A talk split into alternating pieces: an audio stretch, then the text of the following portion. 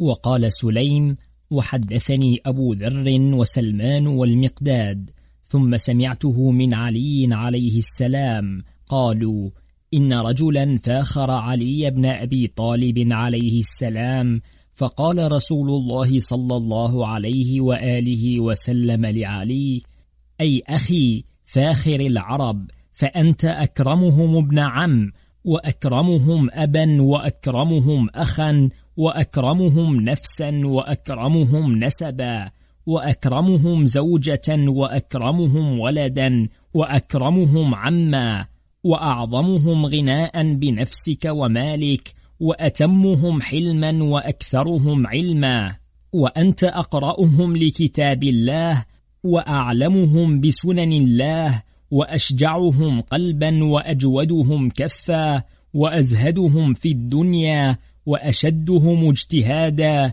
وأحسنهم خلقا وأصدقهم لسانا وأحبهم إلى الله وإلي وستبقى بعدي ثلاثين سنة تعبد الله وتصبر على ظلم قريش ثم تجاهد في سبيل الله إذا وجدت أعوانا. تقاتل على تأويل القرآن كما قاتلت على تنزيله. الناكثين والقاسطين والمارقين من هذه الأمة ثم تقتل شهيدا تخضب لحيتك من دم رأسك قاتلك يعدل عاقر الناقة في البغض إلى الله والبعد من الله ويعدل قاتل يحيى بن زكريا وفرعون ذا الأوتاد. قال أبان وحدثت بهذا الحديث الحسن البصري عن أبي ذر قال صدق سليم وصدق أبو ذر لعلي بن أبي طالب السابقة في الدين والعلم والحكمة والفقه وفي الرأي والصحبة وفي الفضل وفي البسطة وفي العشيرة وفي الصهر وفي النجدة وفي الحرب وفي الجود وفي الماعون وفي العلم بالقضاء وفي القرابة وفي البلاء إن عليا في كل أمر أمره علي فرحم الله عليا وصلى عليه ثم بكى حتى بل لحيته فقلت له يا أبا سعيد أتقول لأحد غير النبي صلى الله عليه وآله إذا ذكرته؟ قال ترحم على المسلمين إذا ذكرتهم وصل على محمد وآل محمد وإن عليا خير آل محمد. فقلت يا أبا سعيد خير من حمزة وجعفر وفاطمة والحسن والحسين. فقال إي والله إنه لخير منهم ومن يشك أنه خير منهم؟ فقلت له بماذا؟ قال إنه لم يجر عليه اسم شرك ولا كفر ولا عبادة صنم ولا شرب خمر وعلي خير منهم بالسبق إلى الإسلام والعلم بكتاب الله وسنة نبيه وإن رسول الله صلى الله عليه وآله وسلم قال لفاطمة عليها السلام زوجتك خير أمتي فلو كان في الأمة خير منه لاستثناه وإن رسول الله صلى الله عليه وآله وسلم آخى بين أصحابه وآخى بين علي ونفسه فرسول الله صلى الله عليه وآله وسلم خيرهم نفسا وخيرهم أخا ونصبه يوم غدير خم وأوجب له من الولاية على الناس مثل ما أوجب على نفسه وقال له أنت مني بمنزلة هارون من موسى ولم يقل ذلك لأحد من أهل بيته ولا لأحد من أمته غيره وله سوابق كثيرة ليس لأحد من الناس مثلها. قال فقلت له من خير هذه الأمة بعد علي؟ قال زوجته وابناه. قلت ثم من؟ قال ثم جعفر وحمزة خير الناس وأصحاب الكساء الذين نزلت فيهم آية التطهير ضم فيه صلى الله عليه وآله وسلم نفسه وعليا وفاطمة والحسن والحسين ثم قال هؤلاء ثقتي وعترتي في أهل بيتي فأذهب اللهم عنهم الرجس وطهرهم تطهيرا. فقالت أم سلمة أدخلني معك في الكساء. فقال لها يا أم سلمة أنت بخير وإلى خير وإنما نزلت هذه الآية في وفي هؤلاء. فقلت الله يا أبا سعيد ما ترويه في علي عليه السلام وما سمعتك تقول فيه؟ قال يا أخي حقن بذلك دمي من الجبابرة الظلمة لعنهم الله. يا أخي لولا ذلك لقد شالت بي الخشب ولكني أقول ما سمعت فيبلغهم ذلك فيكفون عني. وإنما أعني ببغض علي غير علي بن أبي طالب عليه السلام فيحسبون أني لهم ولي. قال الله جل وعز ادفع بالتي هي أحسن السيئة يعني التقية.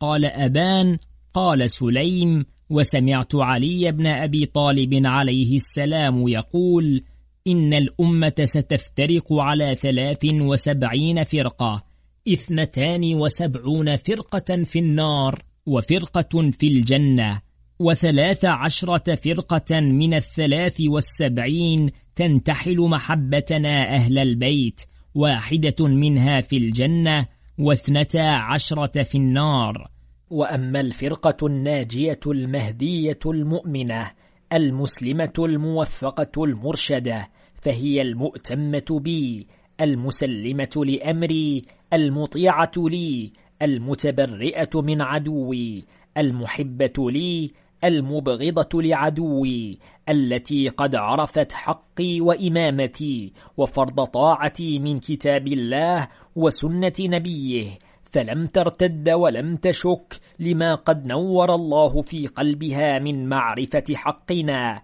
وعرفها من فضلنا وألهمها وأخذ بنواصيها فأدخلها في شيعتنا حتى اطمأنت قلوبها واستيقنت يقينا لا يخالطه شك أني أنا وأوصيائي بعدي إلى يوم القيامة هداة مهتدون الذين قرنهم الله بنفسه ونبيه في آي من كتاب الله كثيرة وطهرنا وعصمنا وجعلنا شهداء على خلقه وحجته في أرضه وخزانه على علمه ومعادن حكمه وتراجمة وحيه وجعلنا مع القرآن والقرآن معنا لا نفارقه ولا يفارقنا حتى نرد على رسول الله صلى الله عليه وآله وسلم حوضه كما قال صلى الله عليه وآله وسلم.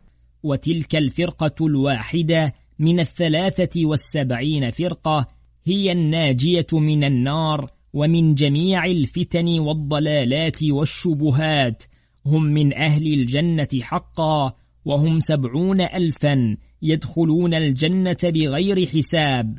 وجميع تلك الفرق الاثنتين والسبعين فرقة هم المتدينون بغير الحق الناصرون دين الشيطان الآخذون عن إبليس وأوليائه هم أعداء الله ورسوله وأعداء المؤمنين يدخلون النار بغير حساب براء من الله ومن رسوله وأشركوا بالله وكفروا به وعبدوا غير الله من حيث لا يعلمون وهم يحسبون أنهم يحسنون صنعا يقولون يوم القيامة والله ربنا ما كنا مشركين يحلفون لله كما يحلفون لكم ويحسبون أنهم على شيء ألا إنهم هم الكاذبون. قال قيل يا أمير المؤمنين أرأيت من قد وقف فلم يأتم بكم ولم يعادكم ولم ينصب لكم ولم يتولكم ولم يتبرأ من عدوكم وقال لا أدري وهو صادق. قال ليس أولئك من الثلاث والسبعين فرقة إنما عنا رسول الله صلى الله عليه وآله وسلم بالثلاث والسبعين فرقة الباغين الناصبين الذين شهروا أنفسهم ودعوا إلى دينهم ففرقة واحدة منها تدين بدين الرحمن واثنتان وسبعون تدين بدين الشيطان وتتولى على قبولها وتتبرأ ممن خالفها. فأما من وحد الله وآمن برسول الله صلى الله عليه وآله وسلم ولم يعرف ولايتنا ولا ضلالة عدونا ولم ينصب شيئا ولم يحل ولم يحرم وأخذ بجميع ما ليس بين المختلفين من الأمة. فيه خلاف في أن الله عز وجل أمر به وكف عما بين المختلفين من الأمة. فيه خلاف في أن الله أمر به أو نهى عنه فلم ينصب شيئا ولم يحلل ولم يحرم ولا يعلم ورد علم ما أشكل عليه إلى الله. فهذا ناج وهذه الطبقة بين المؤمنين وبين المشركين. هم أعظم الناس وأجلهم وهم أصحاب الحساب والموازين والأعراف والجهنميون الذين يشفع لهم الأنبياء والملائكة والمؤمنون. ويخرجون من النار فيسمون الجهنميين. فأما المؤمنون فينجون ويدخلون الجنة بغير حساب وإنما الحساب على أهل هذه الصفات بين المؤمنين والمشركين والمؤلفة قلوبهم والمفترقة والذين خلطوا عملا صالحا وآخر سيئا والمستضعفين الذين لا يستطيعون حيلة ولا يهتدون سبيلا. لا يستطيعون حيلة الكفر والشرك ولا يحسنون أن ينصبوا ولا يهتدون سبيلا إلى أن يكونوا مؤمنين عارفين فهم أصحاب الأعراف وهؤلاء لله فيهم المشيئة. إن أدخل أحدا منهم النار فبذنبه وإن تجاوز عنه فبرحمته. قلت أيدخل النار المؤمن العارف الداعي؟ قال لا. قلت أيدخل الجنة من لا يعرف إمامه؟ قال لا إلا أن يشاء الله. قلت أيدخل الجنة كافر أو مشرك؟ قال لا يدخل النار إلا أن يشاء الله. قلت فمن لقي الله مؤمنا عارفا بإمامه مطيعا له من أهل الجنة هو؟ قال نعم. إذا لقي الله وهو مؤمن هو من الذين قال الله عز وجل الذين آمنوا وعملوا الصالحات الذين آمنوا وكانوا يتقون الذين آمنوا ولم يلبسوا إيمانهم بظلم. قلت فمن لقي الله منهم على الكبائر؟ قال هو في مشيئته. إن عذبه فبذنبه وإن تجاوز عنه فبرحمته. قلت فيدخله النار وهو مؤمن. قال نعم بذنبه لأنه ليس من المؤمنين الذين عنى الله أنه ولي المؤمنين لأن الذين عنى الله أنه لهم ولي وأنه لا خوف عليهم ولا هم يحزنون. هم المؤمنون الذين يتقون الله والذين عملوا الصالحات والذين لم يلبسوا إيمانهم بظلم. قلت يا أمير المؤمنين ما الإيمان وما الإسلام؟ قال أما الإيمان فالإقرار بالمعرفة والإسلام فما أقررت به والتسليم للأوصياء والطاعة لهم. قلت الإيمان الإقرار بعد المعرفة؟ قال من عرفه الله نفسه ونبيه وإمامه ثم أقر بطاعته فهو مؤمن.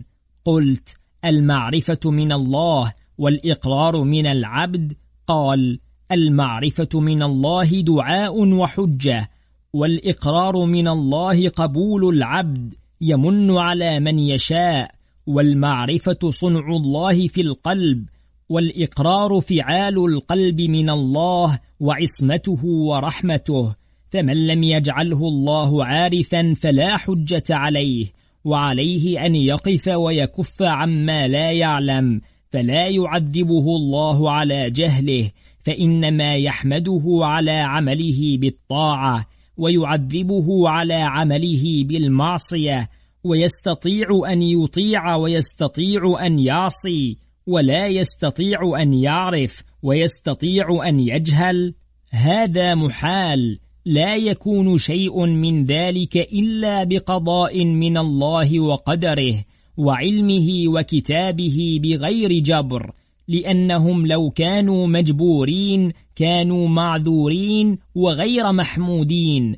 ومن جهل وسعه أن يرد إلينا ما أشكل عليه ومن حمد الله على النعمة واستغفره من المعصية وأحب المطيعين وحمدهم على الطاعة وأبغض العاصين وذمهم فإنه يكتفي بذلك إذا رد علمه إلينا.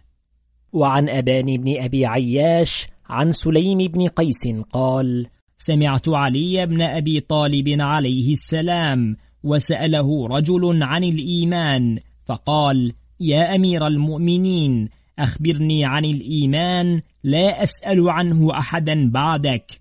قال عليه السلام جاء رجل إلى النبي صلى الله عليه وآله وسلم وسأله عن مثل ما سألتني عنه فقال له مثل مقالتك. فأخذ يحدثه ثم قال له أقعد أمنت. ثم أقبل علي عليه السلام على الرجل فقال أما علمت أن جبرائيل أتى رسول الله صلى الله عليه وآله وسلم في صورة آدمي فقال له ما الإسلام؟ فقال شهادة أن لا إله إلا الله وأن محمدا رسول الله وإقام الصلاة وإيتاء الزكاة وحج البيت وصيام شهر رمضان والغسل من الجنابة قال فما الإيمان؟ قال تؤمن بالله وملائكته وكتبه ورسله وبالحياة بعد الموت وبالقدر كله خيره وشره حلوة ومره فلما قام الرجل قال رسول الله صلى الله عليه وآله وسلم هذا جبرائيل عليه السلام جاءكم يعلمكم دينكم. فكان رسول الله صلى الله عليه وآله وسلم كلما قال له شيئا قال له صدقت. قال فمتى الساعة؟ قال ما المسؤول عنها بأعلم من السائل؟ قال صدقت. ثم قال علي عليه السلام بعدما فرغ من قول جبرائيل صدقت ألا إن الإيمان بني على أربع دعائم على اليقين والصبر والعدل والجهاد فاليقين منه على أربع شعب على الشوق والشفق والزهد والترقب فمن اشتاق إلى الجنة سلا عن الشهوات ومن أشفق من النار اتقى المحرمات ومن زهد في الدنيا هانت عليه المصيبات ومن ارتقب الموت سارع في الخيرات والصبر على أربع شعب على تبصر الفتنة وتأول الحكمة ومعرفة العبرة وسنة الأولين فمن تبصر الفتنة تبين في الحكمة ومن تبين في الحكمة عرف العبرة ومن عرف العبرة تأول الحكمة ومن تأول الحكمة أبصر العبرة ومن أبصر العبرة فكأنما كان في الأولين والعدل منه على أربع شعب على غوامض الفهم وغمر العلم وزهرة الحكم وروضة الحلم. فمن فهم فسر جمل العلم ومن علم عرف شرائع الحكمة ومن حلم لم يفرط في أمره وعاش به في الناس حميدا. والجهاد على أربع شعب على الأمر بالمعروف والنهي عن المنكر والصدق في المواطن والغضب لله وشنآن الفاسقين فمن أمر بالمعروف شد ظهر المؤمن ومن نهى عن المنكر أرغم أنف الفاسق ومن صدق في المواطن قضى الذي عليه ومن شنأ الفاسقين وغضب لله غضب الله له وذلك الإيمان ودعائمه وشعبه. قال له يا أمير المؤمنين ما أدنى ما يكون به الرجل مؤمنا وأدنى ما يكون به كافرا وأدنى ما يكون به ضالا. قال سألت فاسمع الجواب. أدنى ما يكون به مؤمنا أن يعرفه الله نفسه فيقر له بالربوبية والوحدانية وأن يعرفه نبيه فيقر له بالنبوة وبالبلاغ وأن يعرفه حجته في أرضه وشاهده على خلقه فيقر له بالطاعة. قال يا أمير المؤمنين وإن جهل جميع الأشياء غير ما وصفت. قال نعم إذا أمر أطاع وإذا نهي انتهى. وأدنى ما يكون به كافرا أن يتدين بشيء فيزعم أن الله أمره بما نهى الله عنه ثم ينصبه دينا فيتبرأ ويتولى ويزعم أنه يعبد الله الذي أمره به.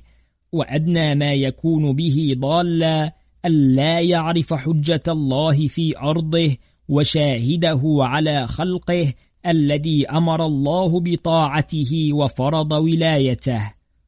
قال يا أمير المؤمنين سمهم لي. قال الذين قرنهم الله بنفسه ونبيه. فقال أطيعوا الله وأطيعوا الرسول وأولي الأمر منكم. قال أوضحهم لي.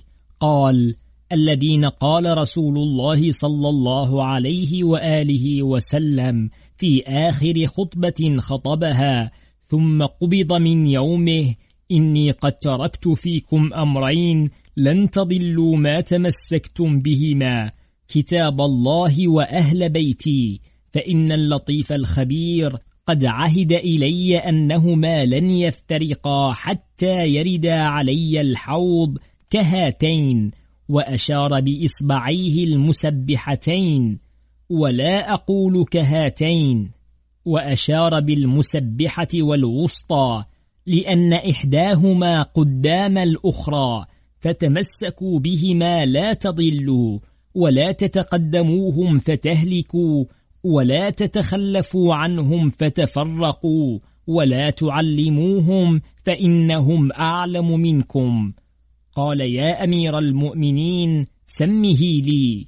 قال الذي نصبه رسول الله صلى الله عليه وآله وسلم بغدير خم فأخبرهم أنه أولى بهم من أنفسهم ثم أمرهم أن يعلم الشاهد الغائب منهم.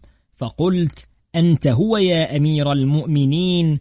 قال أنا أولهم وأفضلهم. ثم ابني الحسن من بعدي أولى بالمؤمنين من أنفسهم. ثم ابني الحسين من بعده أولى بالمؤمنين من أنفسهم ثم أوصياء رسول الله صلى الله عليه وآله وسلم حتى يردوا عليه حوضه واحدا بعد واحد. فقام الرجل إلى علي عليه السلام فقبل رأسه ثم قال أوضحت لي وفرجت عني وأذهبت كل شيء في قلبي. أبان عن سليم قال جاء رجل إلى أمير المؤمنين عليه السلام فسأله عن الإسلام فقال عليه السلام إن الله تبارك وتعالى شرع الإسلام وسهل شرائعه لمن ورده وأعز أركانه لمن حاربه وجعله عزا لمن تولاه وسلما لمن دخله وإماما لمن ائتم به وزينة لمن تحلاه وعدة لمن انتحله وعروة لمن اعتصم به وحبلا لمن تمسك به وبرهانا لمن تعلمه ونورا لمن استضاء به وشاهدا لمن خاصم به وفلجا لمن حاكم به وعلما لمن وعاه وحديثا لمن رواه وحكما لمن قضى به وحلما لمن جرب وشفاء لمن تدبر وفهما لمن تفطن ويقينا لمن عقل وبصيرة لمن عزم وآية لمن توسم وعبرة لمن اتعظ ونجاة لمن صدق ومودة لمن أصلح وزلفى لمن اقترب وثقة لمن توكل ورجاء لمن فوض وسابقة لمن أحسن وخيرا لمن سارع وجنة لمن صبر ولباسا لمن اتقى وظهيرا لمن رشد وكهفا لمن آمن وأمانة لمن أسلم وروحا للصادقين وموعظة للمتقين ونجاة للفائزين ذلك الحق سبيله الهدى وصفته الحسنى ومأثرته المجد أبلج المنهاج مشرق المنار ذاك المصباح رفيع الغاية يسير المضمار جامع الحلبة متنافس السبقة أليم النقمة قديم العدة كريم الفرسان فالإيمان منهاجه والصالحات مناره والفقه مصابيحه والموت غايته والدنيا مضماره والقيامة حلبته والجنة سبقته والنار نقمته والتقوى عدته والمحسنون فرسانه فبالإيمان يستدل على الصالحات وبالصالحات يعمر الفقه وبالفقه يرهب الموت وبالموت يختم الدنيا وبالدنيا تجوز القيامة وبالقيامة تزلف الجنة وبالجنة حسرة أهل النار والنار موعظة المتقين والتقوى سنخ الإيمان فذلك الإسلام.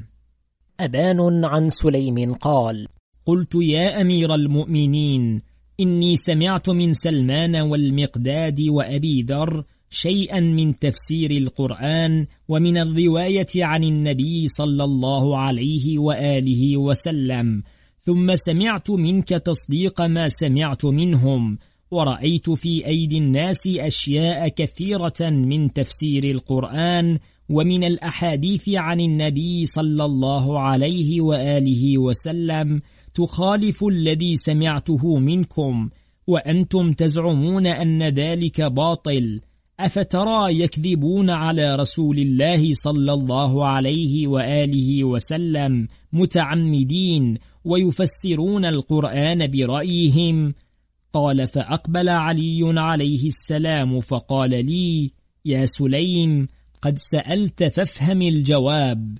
إن في أيدي الناس حقا وباطلا وصدقا وكذبا وناسخا ومنسوخا وخاصا وعاما ومحكما ومتشابها وحفظا ووهما.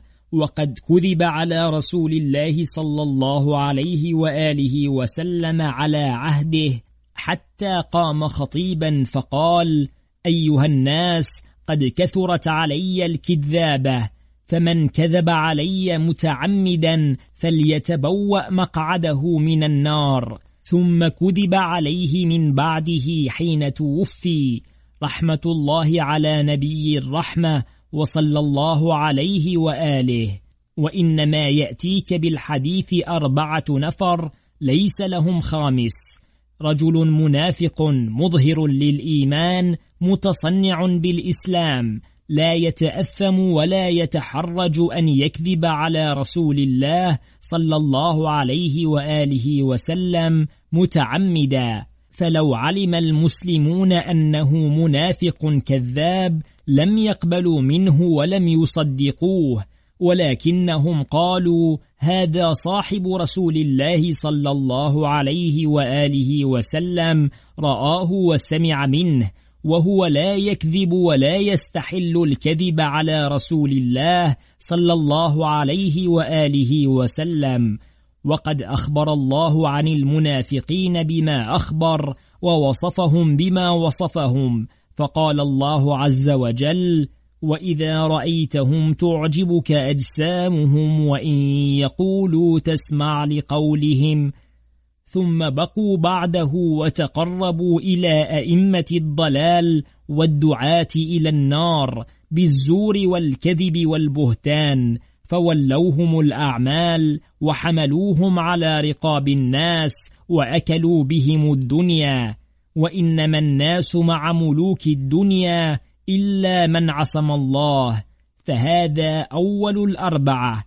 ورجل سمع من رسول الله صلى الله عليه وآله وسلم فلم يحفظه على وجهه ووهم فيه ولم يتعمد كذبا. وهو في يده يرويه ويعمل به ويقول أنا سمعته من رسول الله صلى الله عليه وآله وسلم. فلو علم المسلمون أنه وهم لم يقبلوا ولو علم هو أنه وهم لرفضه.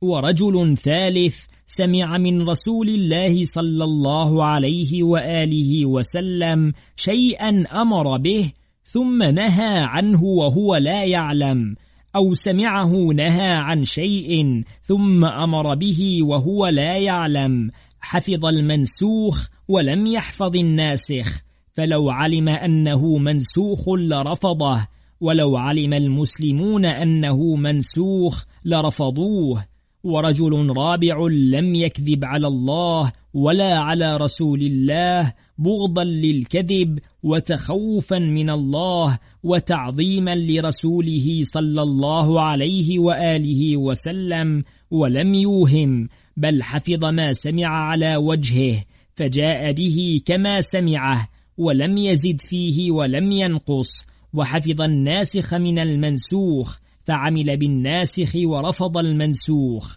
وإن أمر رسول الله صلى الله عليه وآله وسلم ونهيه مثل القرآن ناسخ ومنسوخ وعام وخاص ومحكم ومتشابه وقد كان يكون من رسول الله صلى الله عليه وآله وسلم الكلام له وجهان كلام خاص وكلام عام مثل القرآن يسمعه من لا يعرف ما عنى الله به وما عنا به رسول الله صلى الله عليه وآله وسلم. وليس كل أصحاب رسول الله صلى الله عليه وآله وسلم كان يسأله فيفهم وكان منهم من يسأله ولا يستفهم حتى إن كانوا يحبون أن يجيء الطارئ والأعرابي فيسأل رسول الله صلى الله عليه وآله وسلم حتى يسمعوا منه. وكنت أدخل على رسول الله صلى الله عليه وآله وسلم كل يوم دخلة وكل ليلة دخلة فيخليني فيها أدور معه حيث دار وقد علم أصحاب رسول الله صلى الله عليه وآله وسلم أنه لم يكن يصنع ذلك بأحد غيري وربما كان ذلك في منزلي فإذا دخلت عليه في بعض منازله خلا بي وأقام نساءه فلم يبق غيري وغيره. وإذا أتاني للخلوة في بيتي لم تقم من عندنا فاطمة ولا أحد من ابني وكنت إذا سألته أجابني وإذا سكت أو نفدت مسائل ابتدأني. فما نزلت عليه آية من القرآن إلا أقرأنيها وأملاها علي فكتبتها بخطي ودعا الله أن يفهمني إياها ويحفظني. فما نسيت آية من كتاب الله منذ حفظتها وعلمني تأويلها فحفظته وأملاه علي فكتبته. وما ترك شيئا علمه الله من حلال وحرام أو أمر ونهي أو طاعة ومعصية كان أو يكون إلى يوم القيامة إلا وقد علمنيه وحفظته ولم أنس منه حرفا واحدا. ثم وضع يده على صدري ودعا الله أن يملأ قلبي علما وفهما وفقها وحكما ونورا وأن يعلمني فلا أجهل وأن يحفظني فلا أنسى. فقلت له ذات يوم يا نبي الله إنك منذ يوم دعوت الله لي بما دعوت لم أنس شيئا مما علمتني فلم تمليه علي وتأمرني بكتابته أتتخوف علي النسيان؟ فقال يا أخي لست أتخوف عليك النسيان ولا الجهل وقد أخبرني الله أنه قد استجاب لي فيك وفي شركائك الذين يكونون من بعدك. قلت يا نبي الله ومن شركائي؟ قال الذين قرنهم الله بنفسه وبي معه. الذين قال في حقهم يا أيها الذين آمنوا أطيعوا الله وأطيعوا الرسول وأولي الأمر منكم. فإن خفتم التنازع في شيء فأرجعوه إلى الله وإلى الرسول وإلى أولي الأمر منكم. قلت يا نبي الله ومن هم؟ قال الأوصياء إلى أن يردوا علي حوضي. كلهم هاد مهتد لا يضرهم كيد من كادهم ولا خذلان من خذلهم. هم مع القرآن والقرآن معهم لا يفارقونه ولا يفارقهم. بهم ينصر الله أمتي وبهم يمطرون ويدفع عنهم بمستجاب دعوتهم. فقلت يا رسول الله سمهم لي. فقال ابني هذا. ووضع يده على رأس الحسن. ثم ابني هذا ووضع يده على رأس الحسين ثم ابن ابني هذا ووضع يده على رأس الحسين ثم ابن له على اسمي محمد باقر علمي وخازن وحي الله وسيولد علي في حياتك يا أخي فاقرأه مني السلام. ثم أقبل على الحسين فقال سيولد لك محمد بن علي في حياتك فاقرأه مني السلام. ثم تكملة الاثني عشر إماما من ولدك يا أخي. فقلت يا نبي الله سمهم لي. فسماهم لي رجلا رجلا. منهم والله يا أخا بني هلال مهدي هذه الأمة الذي يملأ الأرض قسطا وعدلا كما ملئت ظلما وجورا. والله إني لأعرف جميع من يبايعه بين الركن والمقام وأعرف أسماء الجميع وقبائلهم. قال سليم ثم لقيت الحسن والحسين صلوات الله عليهما بالمدينة بعدما قتل أمير المؤمنين صلوات الله عليه فحدثتهما بهذا الحديث عن أبيهما فقالا صدقت قد حدثك أبونا علي بهذا الحديث ونحن جلوس وقد حفظنا ذلك عن رسول الله صلى الله عليه وآله وسلم. كما حدثك أبونا سواء لم يزد ولم ينقص. قال سليم ثم لقيت علي بن الحسين عليه السلام وعنده ابنه محمد بن علي عليه السلام فحدثته بما سمعت من أبيه وعمه وما سمعت من علي عليه السلام. فقال علي بن الحسين عليه السلام قد أقرأني أمير المؤمنين عليه السلام عن رسول الله صلى الله عليه وآله وسلم السلام وهو مريض وأنا صبي. ثم قال محمد عليه السلام وقد أقرأني جدي الحسين عليه السلام من رسول الله صلى الله عليه وآله وسلم وهو مريض السلام.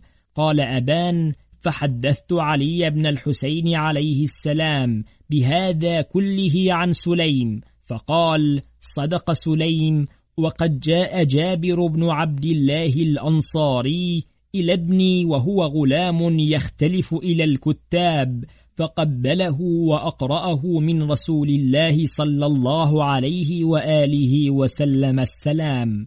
قال أبان حججت فلقيت أبا جعفر محمد بن علي عليه السلام فحدثته بهذا الحديث كله لم أترك منه حرفا فاغرورقت عيناه ثم قال صدق سليم قد أتاني بعد قتل جدي الحسين عليه السلام وأنا قاعد عند أبي فحدثني بهذا الحديث بعينه فقال له أبي صدقت قد حدثك أبي بهذا الحديث عن أمير المؤمنين عليه السلام ونحن شهود ثم حدثاه بما هما سمعا من رسول الله صلى الله عليه وآله وسلم.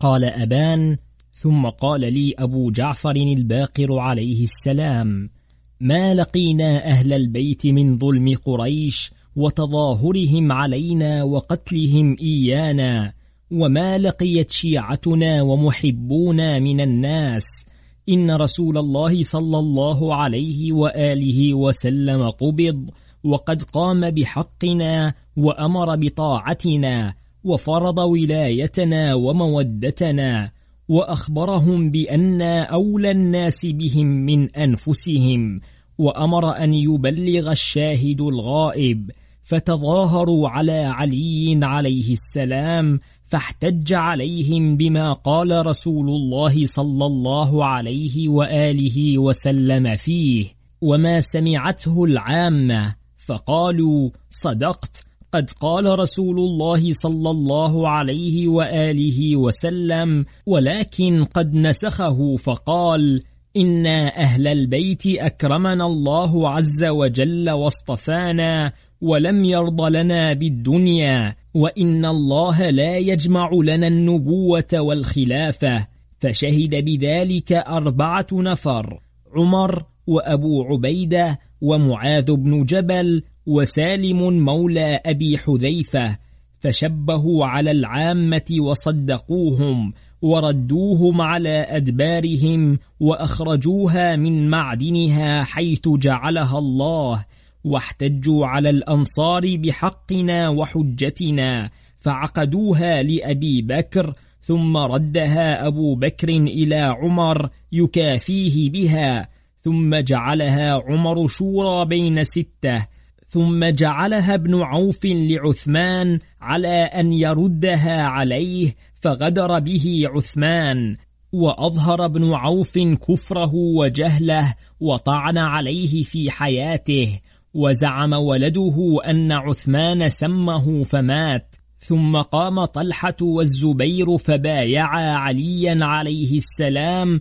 طائعين غير مكرهين ثم نكثا وغدرا وذهبا بعائشة إلى البصرة ثم دعا معاوية طغاة أهل الشام إلى الطلب بدم عثمان ونصب لنا الحرب ثم خالفه أهل حروراء على أن يحكم بكتاب الله وسنة نبيه فلو كانا حكما بما اشترط عليهما لحكما أن عليا أمير المؤمنين في كتاب الله وعلى لسان نبيه وفي سنته فخالفه أهل النهروان وقاتلوه ثم بايعوا الحسن بن علي عليه السلام بعد أبيه وعاهدوه ثم غدروا به وأسلموه ووثبوا به حتى طعنوه بخنجر في فخذه وانتهبوا عسكره وعالجوا خلاخيل أمهات الأولاد فصالح معاوية وحقن دمه ودم أهل بيته وشيعته وهم قليل حق قليل حين لا يجد أعوانا. ثم بايع الحسين عليه السلام من أهل الكوفة ثمانية عشر ألفا.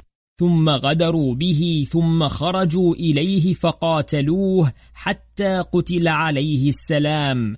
ثم لم نزل أهل البيت منذ قبض رسول الله صلى الله عليه وآله وسلم.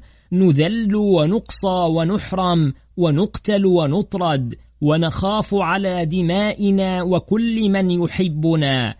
ووجد الكاذبون لكذبهم موضعا يتقربون به إلى أوليائهم وقضاتهم وعمالهم في كل بلدة.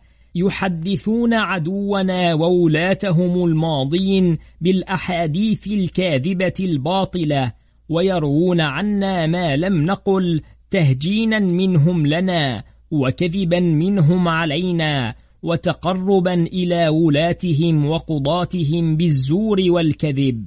وكان عظم ذلك وكثرته في زمن معاوية بعد موت الحسن عليه السلام فقتلت الشيعة في كل بلدة وقطعت أيديهم وأرجلهم وصلبوا على التهمة والظنة من ذكر حبنا والانقطاع إلينا ثم لم يزل البلاء يشتد ويزداد إلى زمان ابن زياد بعد قتل الحسين ثم جاء الحجاج فقتلهم بكل قتلة وبكل ظنة وبكل تهمة حتى إن الرجل ليقال له زنديق أو مجوسي كان ذلك أحب إليه من أن يشار إليه أنه من شيعة الحسين صلوات الله عليه. وربما رأيت الرجل الذي يذكر بالخير ولعله يكون ورعا صدوقا يحدث بأحاديث عظيمة عجيبة من تفضيل بعض من قد مضى من الولاة لم يخلق الله منها شيئا قط وهو يحسب أنها حق لكثرة من قد سمعها منه ممن لا يعرف بكذب ولا بقلة ورع ويرعون عن علي عليه السلام أشياء قبيحة وعن الحسن والحسين عليهما السلام ما يعلم الله أنهم قد رووا في ذلك الباطل والكذب والزور. قلت له أصلحك الله سم لي من ذلك شيئا. قال رووا أن سيدي كهول أهل الجنة أبو بكر وعمر وأن عمر محدث وأن الملك يلقنه وأن السكينة تنطق على لسانه وأن عثمان الملائكة تستحي منه. واثبت حراء فما عليك إلا نبي وصديق وشهيد. حتى عدد أبو جعفر عليه السلام أكثر من مئة رواية يحسبون أنها حق. فقال هي والله كلها كذب وزور. قلت أصلحك الله لم يكن منها شيء. قال عليه السلام منها موضوع ومنها محرف.